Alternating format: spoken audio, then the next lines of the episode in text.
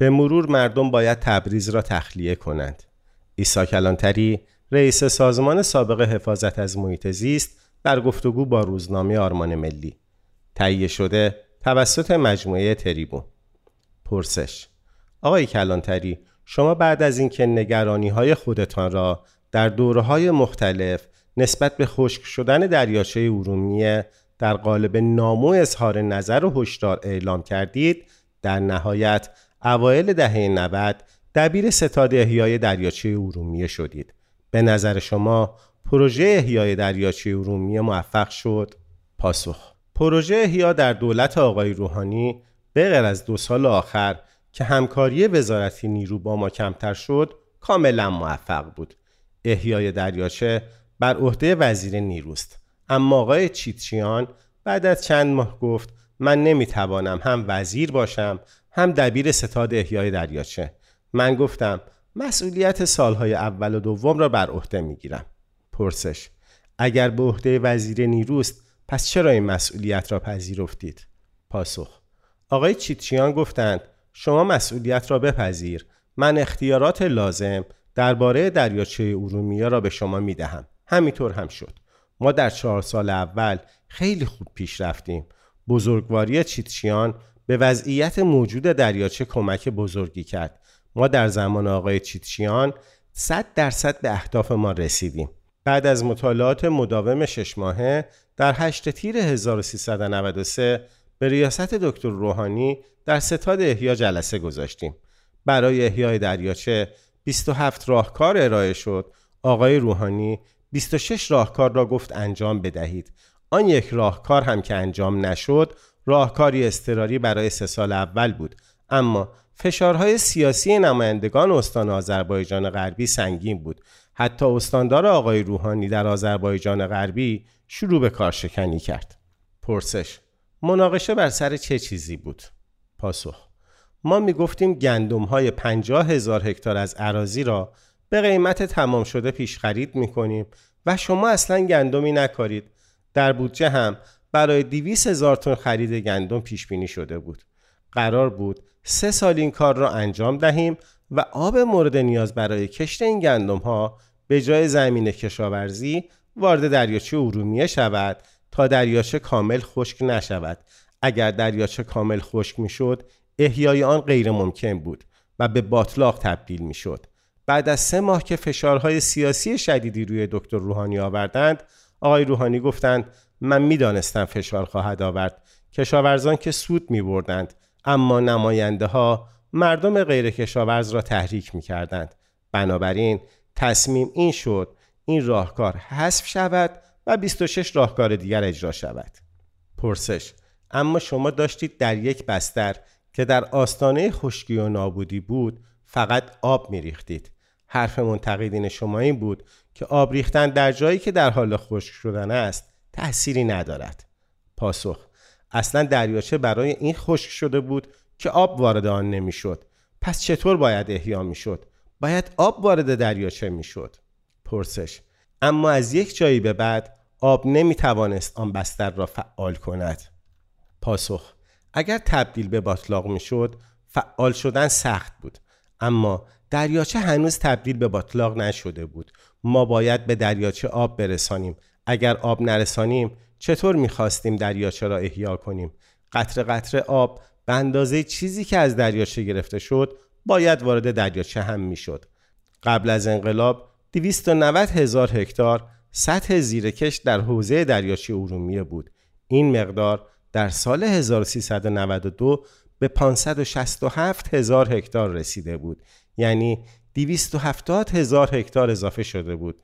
بنابراین چیزی حدود یک میلیارد و 700 میلیون متر مکعب از حقابه دریاچه گرفته شده و کشاورزی سنتی توسعه پیدا کرده بود.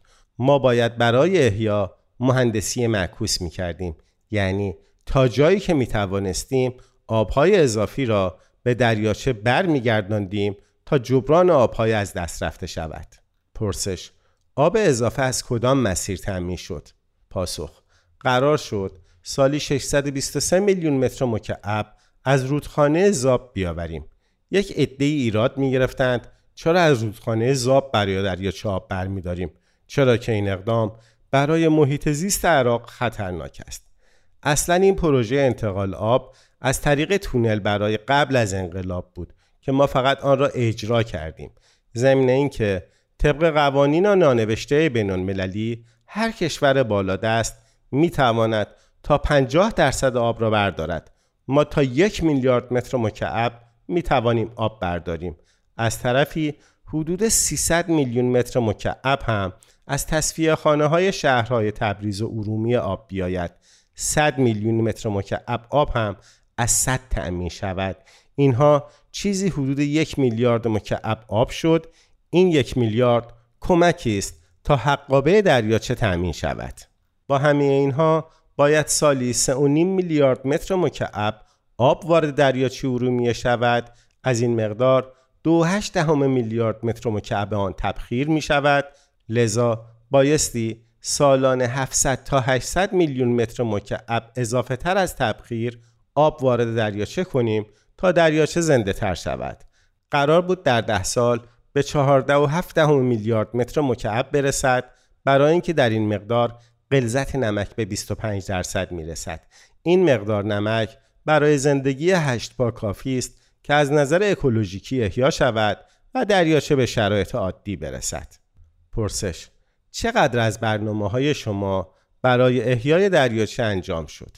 پاسخ در زمان آقای روحانی 97.5 درصد کارها تمام شده بود.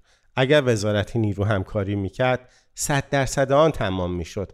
همین الان 99.7 درصد از برنامه های سخت افزاری تمام شده است. الان آب از طریق تونل به دریاچه ارومیه می‌رسد اما من یک نگرانی دیگر دارم. نگرانی من این است که چون این آب جاری شده آب شیرین است وزارت نیرو بخشی از آن را برای توسعه کشاورزی بفروشد. مردم آذربایجان و سازمان محیط زیست باید این آبی که با همه گرفتاری ها به سمت دریاچه جاری شده است را پاس بدارند. پرسش شما خودتان در زمان مسئولیت توانستید حقابه دریاچه را بگیرید؟ پاسخ بله من تا آنجا که توانستم انجام دادم. پرسش شما گفتید باید سالیانه چیزی حدود 3.5 میلیارد متر مکعب آب به عنوان حقابه به دریاچه می رسید. اما در سالهای مسئولیت شما هیچ وقت محقق نشد. پاسخ بله برای اینکه هنوز پروژه ها بهره برداری نشده بود. پرسش از طریق سدها چطور؟ پاسخ برداشت آب از سدها برای دریاچه تا زمانی که چیتچیان وزیر نیرو بود انجام می شد. اما وقتی آقای اردکانیان وزیر نیرو شدند کم لطفی کردند.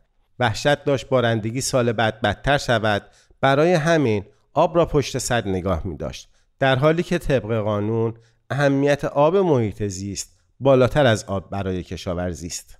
پرسش پروژه تثبیت چطور انجام شد؟ پاسخ پروژه تثبیت انجام شده اما اگر بخواهند با همین وضعیت ادامه بدهند خیر. آقای دبیر ستاد احیای دریاچه ارومیه چند روز قبل گفته که آب دریاچه 13 سانتی متر کم شده است. این 13 سانت نسبت به مهر ماه است اما نسبت به فروردین سال گذشته 40 سانتی متر کم شده است. آن هم علا رغم اینکه انتقال آب از زاب به بهره برداری رسیده است لذا اگر یک وزیر نیروی مانند چیتچیان داشته باشیم دریاچه طبق زمانبندی احیا خواهد شد اما اگر یک وزیر نیرو مثل آقای اردکانیان یا وزیر فعلی داشته باشیم احیا نمی شود. در سال 1412 باید برای دریاچه ارومیه 14.7 میلیارد متر مکعب آب تامین شود که ارتفاع به 1274 متر از سطح دریا برسد تا اکوسیستم دوباره احیا شود. یک نکته را به شما بگویم. هیچ حکومت و دولتی توان این را نخواهد داشت که دریاچه ارومیا را احیا نکند. فقط فهیم ها زودتر احیا می کنند کودن ها دیرتر. چرا که اگر دریاچه خشک شود باید فکری برای جابجایی شهر تبریز کنند. ما قبلتر حدود شش منطقه داشتیم که از آنجاها قبار نمکی بلند می شد قبار نمکی در سال 1394 سبب شد از آذرشهر تا مراغه زنبور اصل مقصد خود را گم کند. بین 7 تا 8 سال اگر زنبور اصل در منطقه فعال نباشد کل کشاورزی ریشه می شود لذا مسائل اکولوژیکی پزشکی و ژنتیکی اجازه نمی دهد هیچ دولتی احیا را کنار بگذارد. من نامه ای که برای رهبری نوشتم بلافاصله دستور رسیدگی به دولت وقت دادند. اما آنها نمی‌دانستند چه کاری باید انجام دهند. کارهایی که ما سال 1393 انجام دادیم باید سال 1389 انجام می‌شد. چیزی حدود 300 متر از تونل زاب در زمان آقای احمدی نژاد انجام شد. اما در زمان دولت روحانی 36 کیلومتر تونل حفر شد. آن هم در 6 و نیم سال. این کار واقعا بی سابقه است.